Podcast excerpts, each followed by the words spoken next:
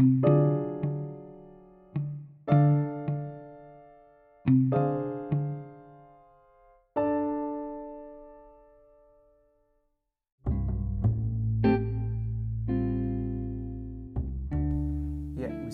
Assalamualaikum warahmatullahi wabarakatuh. Kembali lagi di PLDM Podcast di Multajam. Uh, teman-teman, bagaimana kabarnya? Semoga selalu dalam keadaan sehat, bahagia, dan ya yang paling penting bisa cukup ya antara istirahat, kerja, project, belajar, dan lain-lainnya. Oke, okay, uh, jadi kembali lagi di konten monolog ya, konten yang di mana bakal selang-seling setelah dialog atau ngobrol-ngobrol kayak gitu.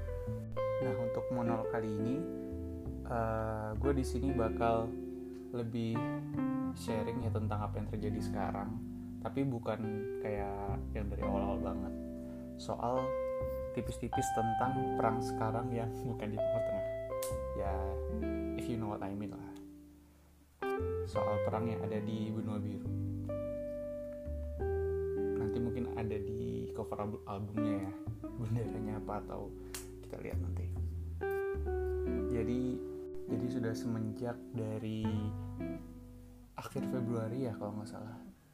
Hingga sekarang masih berkecamuk perang itu di Ukraina di Ukraina dengan apa namanya separatisan juga dari orang-orang yang berbicara bahasa Rusia di Ukraina dan juga dari negara Rusia negara Rusianya sendiri kayak gitu. Dan sebelum memulai uh, gue di sini pengen apa namanya ya one minute silence untuk orang-orang uh, yang sudah gugur di perang Ukraina dan Rusia pun juga di perang-perang yang lainnya seperti perang di Palestina dan Israel pun perang-perang uh, apa namanya leluhur kita dan lain-lain. Ya ada one minute silence itu kita juga mendoakan orang-orang yang telah berjuang dan ya menjadi korban atas sebenarnya perang yang terjadi itu kan nggak kita harapin semua karena banyak lebih banyak mudaratnya lah ya daripada uh, apa namanya maslahatnya atau keuntungannya. Tapi kita nggak pernah tahu kepentingan di atas. Hanya yang kita rasakan sebagai gua dan lu yang bukan di pemerintahan dan bukan uh, yang memegang power pasti ujung-ujungnya kita yang bisa dirugikan oleh perang. Oke, gua mengawali uh, one minute silence dan semoga juga bisa jadi space untuk kita berdoa untuk uh, apa namanya orang-orang yang telah gugur. Uh, one minute silence mulai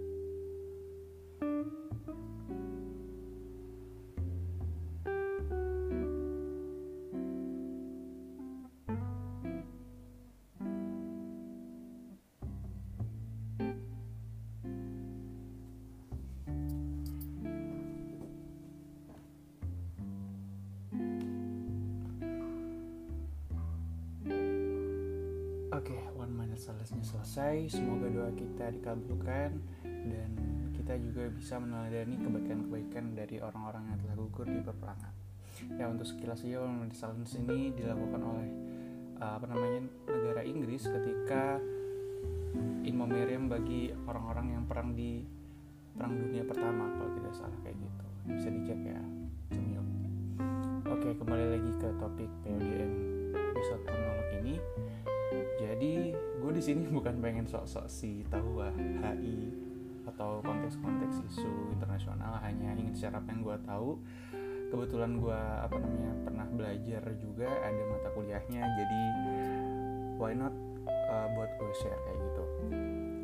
Nah berhubung untuk uh, bridgingnya latar belakangnya udah pada tahu kan kayak kenapa Rusia invasi ke Ukraina kayaknya kebanyakan udah baca-baca lah ya entah itu di thread Twitter entah itu di kanal-kanal berita atau di TV kayak gitu. Nah mungkin gue fokusnya kenapa perang ini tuh lebih banyak ya medianya beritanya ketimbang perang-perang yang ada di Timur Tengah seperti kayak perang di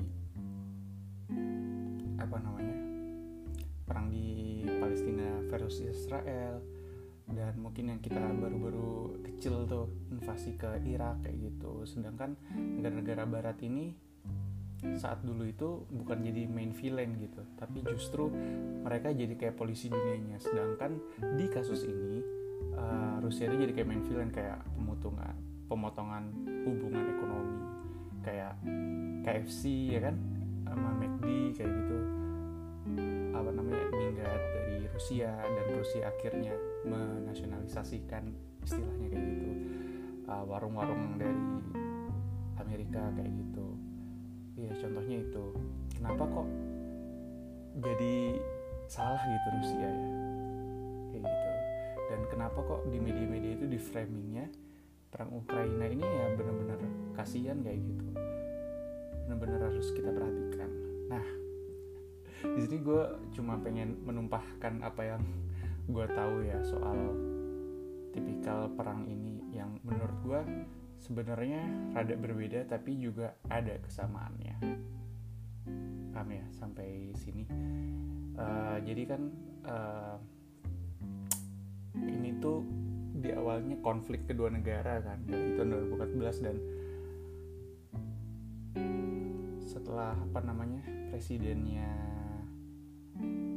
presidennya Ukraina itu juga akhirnya mundur juga yang pro Rusia yang aman-aman aja Ukraina diganti dengan yang lebih dalam tanda kutip mengaspirasikan rakyat dan jadinya jatuhnya geopolitiknya itu yang tadinya atas atasannya condong ke Rusia jadi condong ke Barat kayak gitu ya. Oh ya Barat itu adalah sebutan bukan bagian dari orang-orang Caucasian atau bule orang putih itu bukan tapi setahu gue ya di pengantar HI itu yang gue dulu pelajari orang Barat itu adalah blok Barat. Blok Barat itu adalah orang-orang Eropa Barat dan USA kalau dalam tanda kutip ya orang-orang NATO gitu. North Atlantic Treaty Organization atau NATO jadi um, mereka itu yang disebut blok barat kayak gitu. Nah media-media yang blok barat itu ya media-media negara dari Jerman ada Reuters ya kalau nggak salah terus ada BBC dari Inggris CNN dan Amerika jadi framing-framingnya ya mungkin dari sana dan yang merajai sekarang uh, adalah mereka-mereka ini kayak gitu. Nah seyokianya uh, kepentingan dari negara-negara barat atau ada yang tercederai maka ya justru framingnya ya Ukraina bakal kayak dibantu kayak gitu ya. Dan memang sih di Eropa ini mungkin ada yang lihat klip-klipnya juga ya itu jarang banget ada perang ya era-era sekarang ya tahun 90-an setelah yang perang Bosnia itu penulis juga buat uh, perang Bosnia itu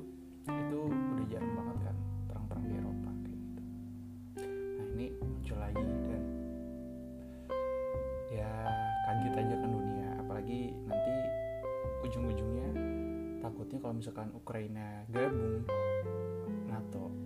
Kan yang ditakutin itu gabung NATO-nya ya.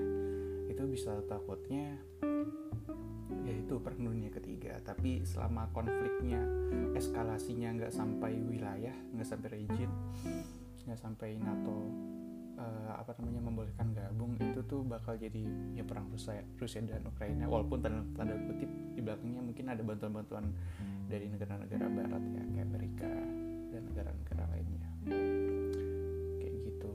Nah itu yang kalau misalkan Ukraina jadi medan perang dan nanti yang perang adalah negara-negara NATO dan Rusia ya jatuhnya perang proksi atau perang yang sebenarnya eh bukan nih sorry sorry. Kalau perang proxy itu kan jadi Ukraina versus Ukraina separatis. Tapi pemasoknya adalah orang-orang Rusia dan orang NATO itu perang proxy. Nah mungkin ini lebih dari sekedar perang proxy. Jadi ada istilahnya gue minjem dari kata ketua umum partai Gelora ya Pak Anies Mata yang anaknya adalah kakak kelas gue dulu. Itu adalah istilah perang supremasi jadi perang antara negara adidaya dengan medan perangnya adalah di Ukraine. Jadi collateral damage di Ukraine atau uh, damage yang kasihan kayak gitu ya di Ukraine. Yang padahal mereka bukan main aktornya kayak gitu. Itu bacaan gue ya Cemio yang lebih paham kayak gitu.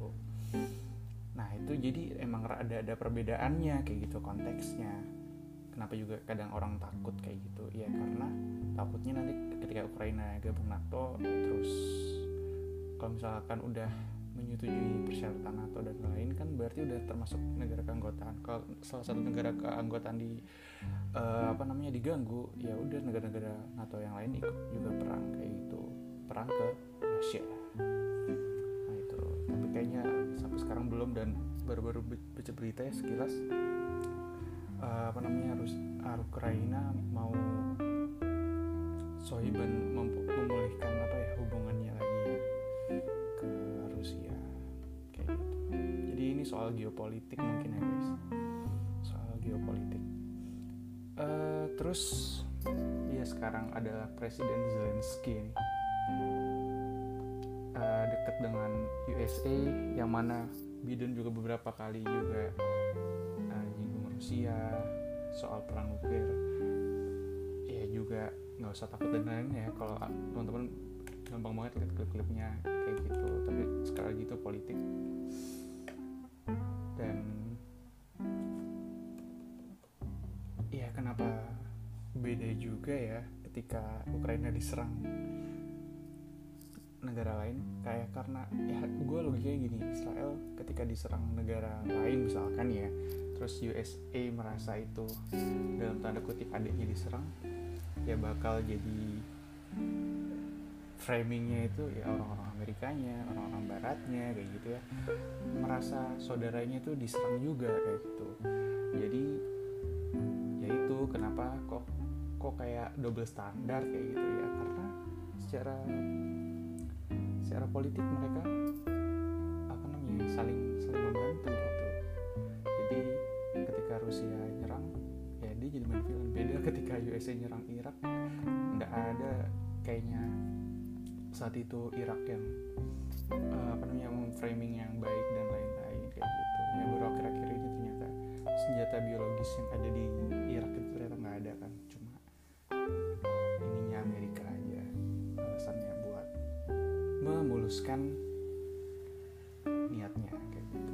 Biar dikira etikat baik lalu kenapa Ukraina masuk NATO itu jadi ancaman besar ya? Kayak yang tadi bilang ke ya kayak misalkan di negara perbatasan lu itu ada negara yang dia pro uh, dalam tanda kutip pro negara yang asosiasinya beda sama lu gitu kan. Dulu Rusia itu ada Pakta Warsawa dia kayak asosiasi perang juga asosiasi keamanan gitu. Asosiasi atau organisasi ya pokoknya gitu. Uh, yang berlawanan sama lu kayak gitu. Jadi takutnya kalau misalkan tiba-tiba kalau udah masuk NATO kan apa-apa gampang kayak gitu ya. NATO-nya misalkan menaruh peluru kendali atau mau naruh apa-apa buat nyerang Rusia apalagi perbatasannya dikit banget gitu kan kayaknya ya bisa gampang gampang apa namanya?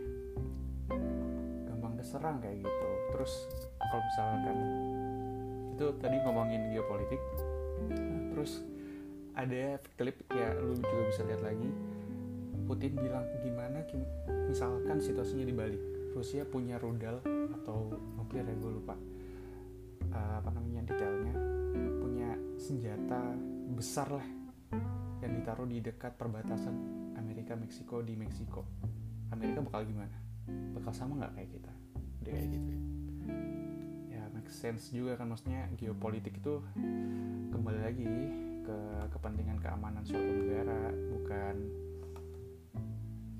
eh gue takutnya framingnya nih gue membela Rusia. Enggak gue membela untuk perang segera berakhir karena banyak yang dikorbankan kan. Tapi ini kita kuliti maksudnya kenapa alasan Rusia nyerang kayak gitu Ukraina secara geopolitik kayak gitu. Ya nggak dalam sih tipis-tipis aja. Ya kayak gitu. Dan istilahnya kayak kurang apa ya kalau dari gue ya ini debatable sih tapi kurang main cantik lah dari Ukraina nya. Sorry.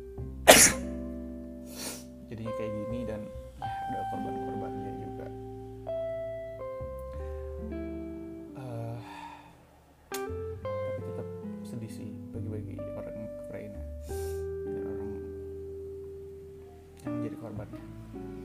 nah ya kenapa pas di Eropa ini baru rame? Yang gue udah bilang tadi kan uh, media-medianya yang kita biasa baca dan kebanyakan juga dari Indonesia juga kan pasti ngutipnya dari mereka-mereka juga kan. Nah itu ada framingnya kayak gitu. Dan situasinya emang rada beda sih perangnya. Cuma uh, korban perang perangnya itu tetap ya perang kayak gitu dengan Palestina dengan situasi konflik di Palestina dari Israel kayak gitu. Nah kembali lagi kadang kebijakan-kebijakan luar negeri itu dicenderungi oleh psikologis ya kayak gitu. Nah ini gue bisa salah juga tapi kenapa Ukraina satu Zelensky malah mendukung Israel dan uh, melawan apa namanya melawan kesejahteraan di Palestina kan kayak Palestina nyerang-nyerang Israel kayak gitu ya di tweet setahun yang lalu kalau nggak salah. Sekitar 2021 itu. Itu tuh juga karena ada kecenderungan psikologis. Zelensky kalau yang belum tahu dan pun yang udah tahu adalah keturunan Yahudi gitu. Walaupun gue nggak setamata bisa orang Yahudi bakal mendukung Yahudi yang lain terus apa namanya buta terhadap keadilan? Ya nggak juga tapi kelihatannya kayaknya kayak gitu gitu. Ada kecenderungan psikologis. Jadi di teori eh di kelas politik luar negeri itu kayak Angela Merkel kanselir Jerman yang dulu kayaknya sekarang udah udah mulai ini ya udah mulai di udah mulai apa namanya diganti kayak gitu. Kanselir Jerman itu kenapa dia mendukung banget orang-orang refugees ke Jerman ke negara Uni Eropa ya. Karena dulu saat dia di Jerman Timur dia itu hidupnya ya gitu kasihan kayak gitu ya. Hidupnya uh, ya kayak refugees lah luntang lantung kayak gitu. Akhirnya punya aspirasi atau why-nya supaya orang-orang refugees itu masuk ke dalam Uni Eropa itu dimudahkan kayak gitu padahal kan nggak semua negara Eropa setuju tapi Angela Merkel apa namanya aspirasinya kuat why-nya kuat. Uh, dan negara Jerman juga kebetulan adalah negara yang apa namanya yang kuat di apa namanya Uni Eropa itu ya udah jadi refugees. Ada banyak diterima kayak gitu yang dari Syria yang dari negara-negara konflik di Timur Tengah akhirnya pun diterima Eropa juga kan mungkin lebih berkaitan dengan Ukraina ya kayak gitu. Sama-sama kulit putih dan lain-lainnya. Mungkin ada juga kan kayak yang diwawancara why it's uh, different between the case in the cases in Middle East kayak gitu. Ya mereka kayak sejujurnya dan lain-lain kayak gitu. Nah terus uh, lanjut lagi. Sudah ya kalau misalkan gue ke mana-mana tapi tenang aja guys. Ya bakal uh, apa namanya sharing. Yang gue tahu yang bisa ya semoga nggak nggak belibet lah ya. Dan gue udah buat notesnya jadi nah aja nggak nggak apa namanya nggak ngawang-ngawang banget lah gitu. Oke kembali lagi Nah untuk blok barat ini yang solid yang gue udah tipis-tipis uh, apa namanya uh, gambarin tadi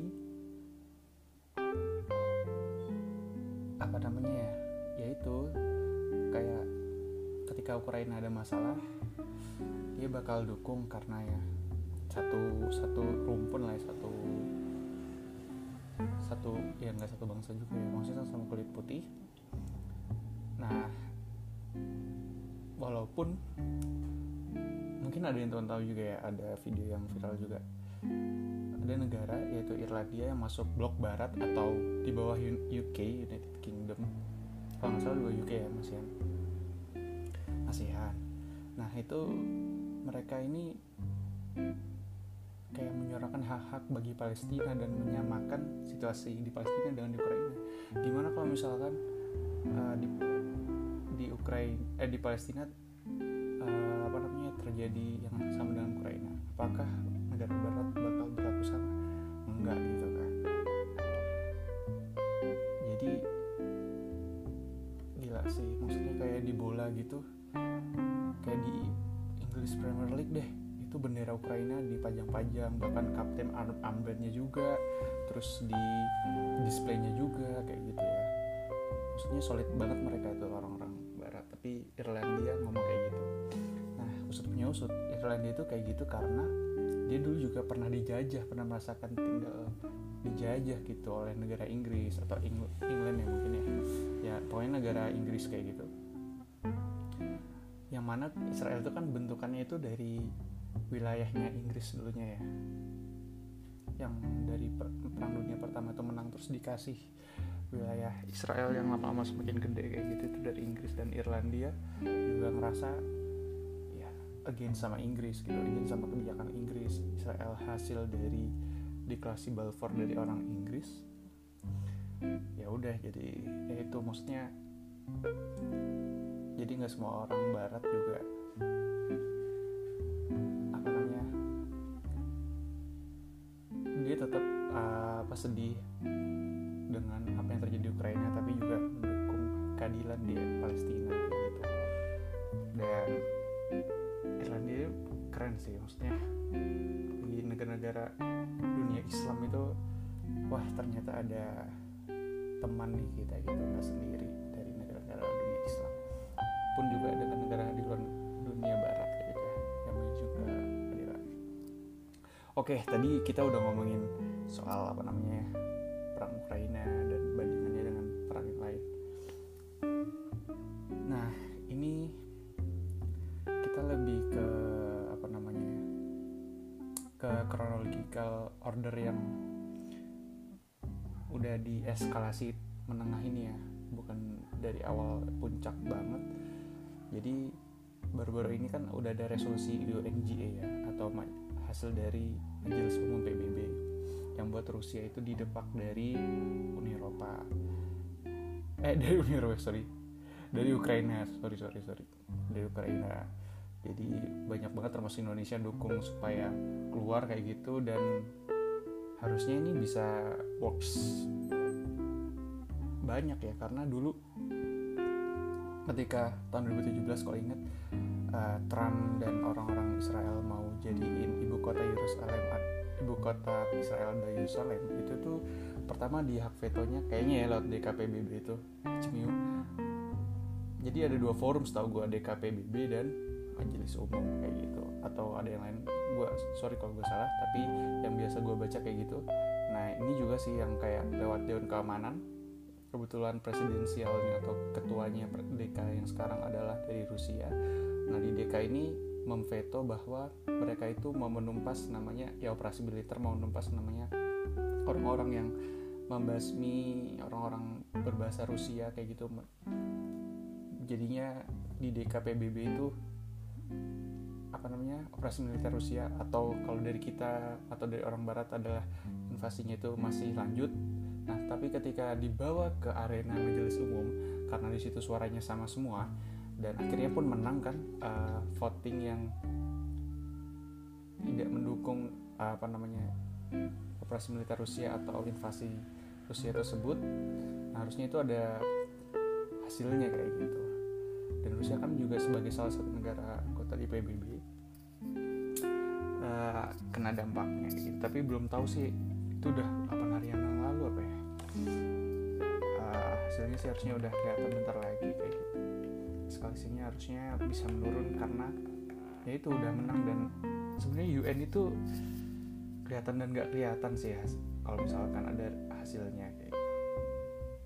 Kelihatan nggak kelihatan hasil dari penyelesaian masalahnya tapi semoga dari di, dari arena diplomatik atau arena diplomasi sih bisa membantu ya kayak gitu. Nah terus sekarang itu yang lagi ramai juga dari Ukraina itu mau masuk ke Eropa kayak gitu. Dan negara-negara Eropa Timur lainnya kayak gitu kan. Yang baru mengajukan sih tapi kelihatannya bakal masuk karena dewan-dewan atau petinggi-petinggi Uni Eropa itu bakal membolehkan. Beda dengan Turki yang dari tahun 87 udah mau masuk uh, dan proses aksesnya itu kayak misalkan mungkin pemberkasan lain 2005 terus terhenti 2007 karena urusan Siprus apa ya kalau nggak salah. Cemiu. Nah itu beda kan kayak gitu yang udah gue bilang tadi gitu. Ada Uni Eropa ada kecenderungan kayak gitu. Nah dulu gue ikut kebetulan mata kuliah kajian Uni Eropa dan salah satunya ada orang yang pengamat Uni Eropa kalau nggak salah gue nggak tahu. Pokoknya dari luar Jogja pas itu. Kan gue kuliah di Jogja. Di dari Jakarta apa ya? Kayak gitu. UI apa ya? Kalau nggak salah. Nah dia cerita kalau misalkan kenapa Turki itu susah banget masuk ke Uni Eropa karena sistem di parlemen Uni Eropa itu semakin banyak populasi suatu negara di polusi eh, polusi lagi kan? Populasi negara yang banyak di negara lu kayak gitu populasi orang yang banyak di negara lu semakin banyak juga parlemen yang ada gitu jatah parlemen yang ada. Paham nggak? Jadi jatah parlemen yang ada disesuaikan dengan uh, banyaknya populasi di suatu negara gitu. Karena Turki populasinya banyak nah takutnya ini asumsi ya takutnya kalau misalkan mereka banyak nih orang-orang Turkinya pun kursi di parlemen Uni Eropa bak bakal banyak orang Turki yang mana orang Turki takutnya beda pandangan atau beda ideologi dengan orang-orang Uni Eropa sedangkan Ukraina kan kayak kalau nggak salah dikit ya kalau nggak salah. Hmm, jumlahnya nggak terlalu banyak orang-orang populasi di Ukraina jadi mungkin nggak terlalu mengganggu. Dan pun ini gue bisa ini juga orang Caucasian kan jatuhnya. Gitu jadi lebih mudah. Walaupun Ukraina itu kalau misalkan masuk juga ya ada faktor keuntungan ekonomi pun ada uh, apa namanya ada faktor kurang menguntungkan juga karena Ukraina itu kalau nggak salah bukan negara yang terlalu kuat ekonominya ya. Jadi juga bisa jadi hambatan juga bagi Uni Eropa. Tapi ya selama ada ikatan persaudaraan kayaknya bakal tetap diterima kayak gitu. Oke itu tadi poin-poinnya tentang perang yang terjadi bukan di Timur Tengah. Ya uh, masuk ke kesimpulan. Jadi yang pengen gue sharing dan semoga bisa di take away adalah yuk gue dan elu dan yang pendengar pedal listeners bisa check in into the both sides gitu dari sudut pandang Rusia dan sudut pandang Ukraina dan blok-blok barat kayak gitu karena memahami konteks hubungan luar negeri perang kayak gitu bisa dilihatnya itu dari konteks politiknya kayak gitu. Boleh kita melihat identitasnya mereka kayak gitu dan latar belakang uh, pelaku aktor internasional organisasi internasional sejarahnya mereka. Bahkan mengapa sebuah negara itu menyerang dan lain-lain dari konteks uh, latar belakang negaranya ya juga boleh tapi kembali lagi itu cuma jadi data pendukung menurut gue tapi kembali fokusnya ke konflik yang ada gitu yang kita perlu sadari bareng. Dan ya ini politik kayak gitu. Politik itu nggak statis nggak bisa kepegang. Misalkan kayak yang ini gue baru baca juga kalau nggak salah dikit-dikit bahwa nanti bangsa Rom akan apa gitu sama uh, negara Indonesia ya bakal membantu apa gitu versus orang-orang Yahudi mungkin nggak tahu juga. Cemil ya. Jadi nggak bisa serta merta disamain kayak gitu. Uh, identitas jangan terpaku dengan identitas gitu. Karena negara yang di Rusia juga Putin itu juga apa namanya ya ketika melawan kepentingan luar negeri negara Rusia ya bakal dibabat juga ya kayak di Syria lah contohnya gitu ya. Kan Rusia juga membantu negara-negara membantu Syria kayak gitu yang aduh kasihan banget Syria itu. Ya kan jadi fokus ke politiknya dan antara bisa dan enggak sih meneladani aktor politik kalau udah di tingkat kayak gitu karena itu kan terkait kebijakan dan mereka kayak dimasukkan dengan banyak-banyak uh, konflik yang harus bisa apa namanya bisa diselesaikan kayak gitu. Dan ada rasionalnya juga ada plus minusnya. Dan kalau kebagian minusnya kan ya mereka juga kurang baik juga untuk asas-asas kemanusiaan dan lain-lain. Kayak gitu. Paham kali ya? Nah cara termudahnya itu ya uh, fokus dengan apa yang sedang terjadi sih.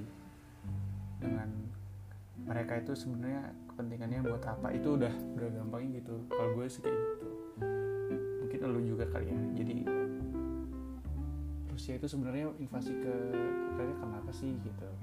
Ukraina juga membutuhkan pertolongan dari negara dunia barat itu karena apa sih? gitu lebih ke konflik kepentingan. Karena kalau udah jatuhnya di politik kan ya gitu. Ya kepentingan kepentingan gitu. Ya kembali lagi. Karena bukankah politik itu adalah soal kepentingan-kepentingan kepentingan? Dari masing-masing negara.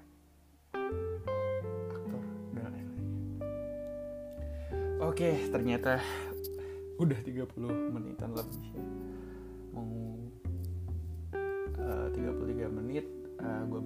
Berkasih banyak udah udah ada yang masih dia mendengar. Semoga ada yang bisa diambil kayak gitu. Tipis-tipis tentang perang sekarang. Yang lagi rame ya kita berdoa semoga perangnya cepat selesai. Sehingga ya bisa tenang lagi gitu ya. Masuk ke era perdamaian walaupun uh, apa namanya ya agak sulit ya kalau misalkan